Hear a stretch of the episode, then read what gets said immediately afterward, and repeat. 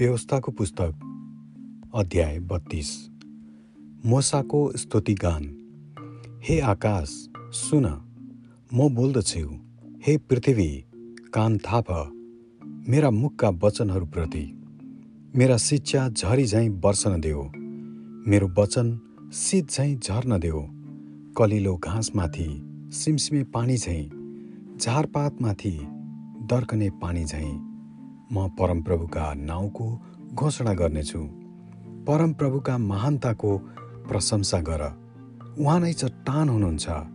उहाँका काम सिद्ध छन् र उहाँका सबै चाल न्यायोचित छन्। एउटा विश्वासयोग्य परमेश्वर जसले भुल गर्नुहुन्न न्याय र सत्य उहाँ हुनुहुन्छ। तिनीहरूले उहाँसँग भ्रष्ट व्यवहार गरे। लाज मर्दो कुरो। तिनीहरू अबदेखि उहाँका सन्तान होइनन्। तिनीहरू बाङ्गो र टेढो पुस्ताका मानिसहरू हुन्। के यसरी नै तिमीहरूले परमप्रभुलाई कृतज्ञता देखाउँदछौ?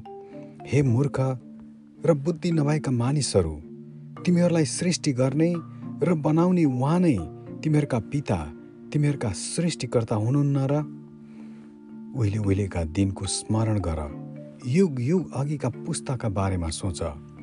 तिमीहरूका बुबालाई सोध र तिनले तिमीहरूलाई बताउने छन्। तिमीहरूका बुढापाखालाई सोध र तिनीहरूले तिमीहरूलाई बताउने छन्। जब सर्वोच्चले जाति जातिहरूलाई उनीहरूका अंश दिनुभयो जब उहाँले सबै मानिस जातिलाई विभाजन गर्नुभयो तब उहाँले इजरायलीहरूका सन्तानको सङ्ख्याअनुसार जाति जातिका सिमाना ठहराइदिनुभयो। परमप्रभुको निज हिस्सा उहाँका मानिसहरू हुन्। याकुब उहाँका अंशको भाग हुन्। उहाँले तिनलाई निर्जन स्थानमा भेट्टाउनुभयो। गर्जने आवाजले भरिएको उजाड ठाउँमा उहाँले तिनलाई जोगाउनुभयो र तिनको वास्ता गर्नुभयो। उहाँले तिनलाई आफ्नो आँखाको नानी झैँ रक्षा गर्नुभयो। गुणलाई हल्लाएर आफ्ना बचेराहरूमाथि हावामा उडिरहने पखेटा फैलाए बचेराहरूलाई थाम्ने र आफ्ना प्वाखमाथि ती बोक्ने गरुडले झैँ। परमप्रभु एक्लैले तिनलाई अगुवाई गर्नुभयो।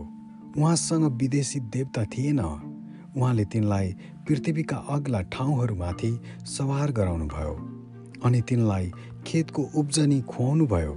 उहाँले तिनलाई पहराको मह र दर्शन ढुङ्गाको भिरबाट तेल खुवाउनुभयो।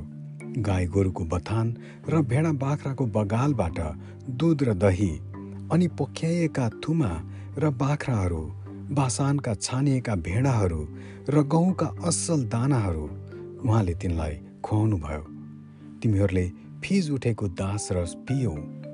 तर यसुरुनले मोटाएर हाल लाने राम्रै खान पाएर ती मोटा र चिल्ला भए।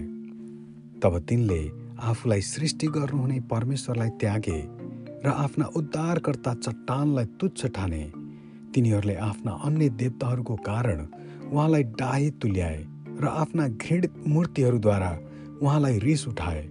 तिनीहरूले भूतहरूका निम्ति बलि चढाए जो ईश्वर होइनन्।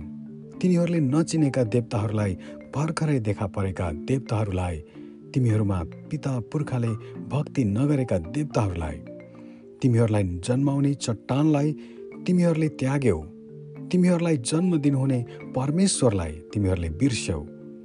त्यो देखेर परमप्रभुले तिनीहरूलाई तिरस्कार गर्नुभयो किनभने उहाँका छोराछोरीहरूको कारण उहाँलाई रिस उठ्यो। तब उहाँले भन्नुभयो म तिनीहरूबाट आफ्नो मुख लुकाउने छु अनि तिनीहरूको अन्त के हुनेछ म हेर्नेछु।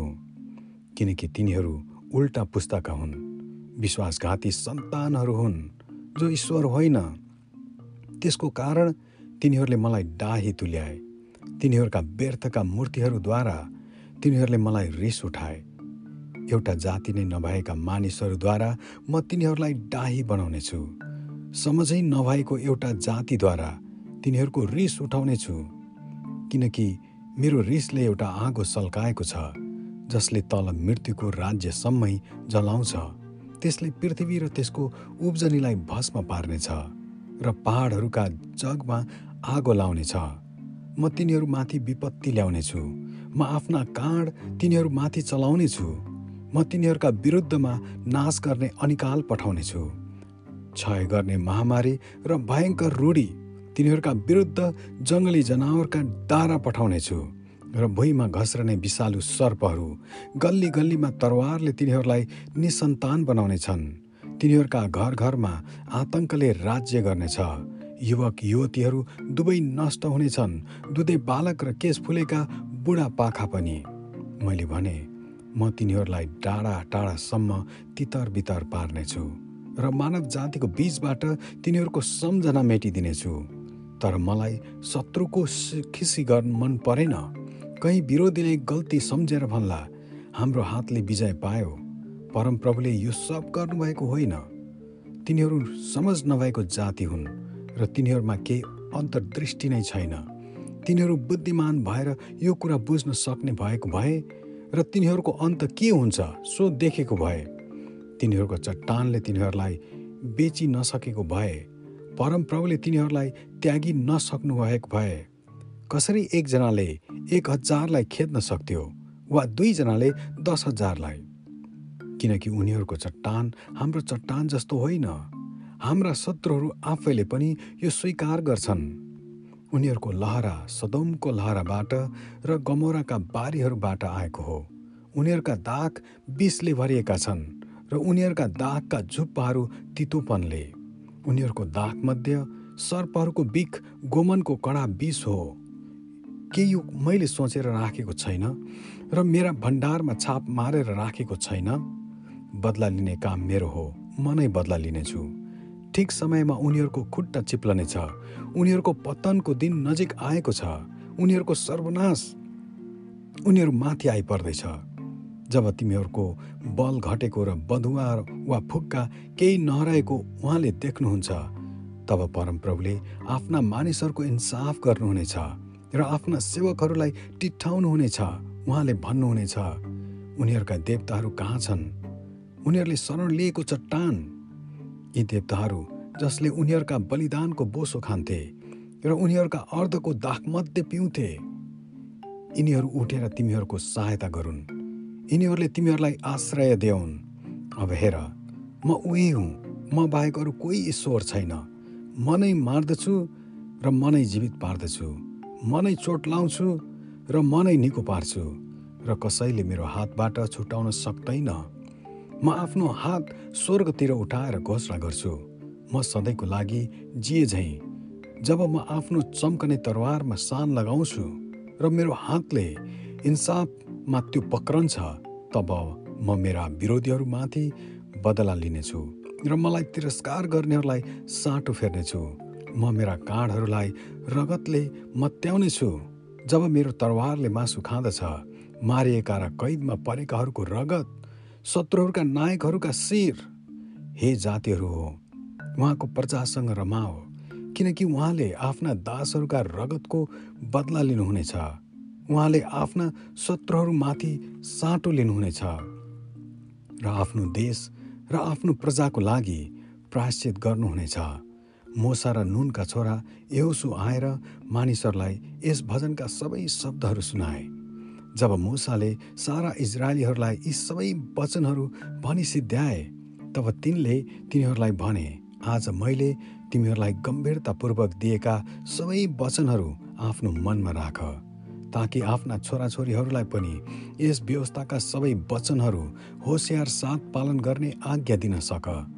यी तिमीहरूका लागि व्यर्थका शब्द होइनन्। यी तिमीहरूका लागि जीवन हुन्। यीद्वारा नै एर्दन पारी अधिकार गर्नलाई जान लागेको देशमा तिमीहरू दीर्घायु हुनेछौ। परमप्रभुले त्यही दिन मसालाई यसो भन्नुभयो एउरोको सामु मोवाब देशमा भएको अबा रिम पहाडको नेबो डाँडामाथि उक्लेर जा र मैले इजरायलीहरूको अधिकारमा दिने कनान देशलाई हेर। अनि जसरी तेरो दाजु हारुन होर पर्वतमा मर्यो अनि मरिगएका आफन्तहरू कहाँ गयो त्यसरी त उक्लेर जाने त्यस पहाडमा मर्नेछस्।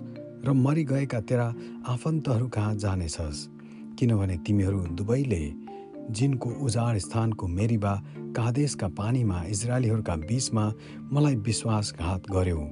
किनकि तिमीहरूले इजरायलीहरूका बीचमा मेरो पवित्रताको कदर गरेनौ।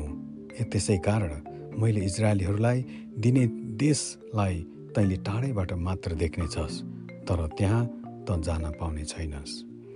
आमेन।